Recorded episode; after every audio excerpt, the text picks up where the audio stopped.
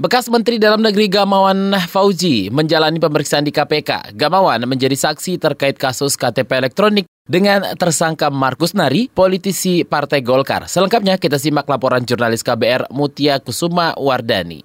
Bekas Menteri Dalam Negeri Gamawan Fauzi diperiksa oleh penyidik Komisi Pemberantasan Korupsi KPK terkait dengan pengadaan paket penerapan KTP berbasis elektronik. Ia datang ke Gedung Merah Putih KPK pada pukul 9.45 waktu Indonesia Barat sebagai saksi atas anggota DPR fraksi Golkar, yaitu Markus Nari.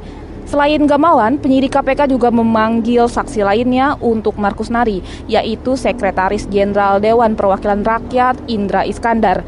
Dalam perkara ini, Markus Nari telah ditahan oleh KPK pada 1 April lalu setelah ia ditetapkan sebagai tersangka pada 19 Juli 2017. Markus diduga menerima uang suap untuk memuluskan pembahasan anggaran perpanjangan proyek KTP elektronik tahun anggaran 2013. Lembaga anti rasuah menduga bahwa anggota Dewan Perwakilan Rakyat Markus Nari telah menerima uang suap sebanyak 4 miliar rupiah.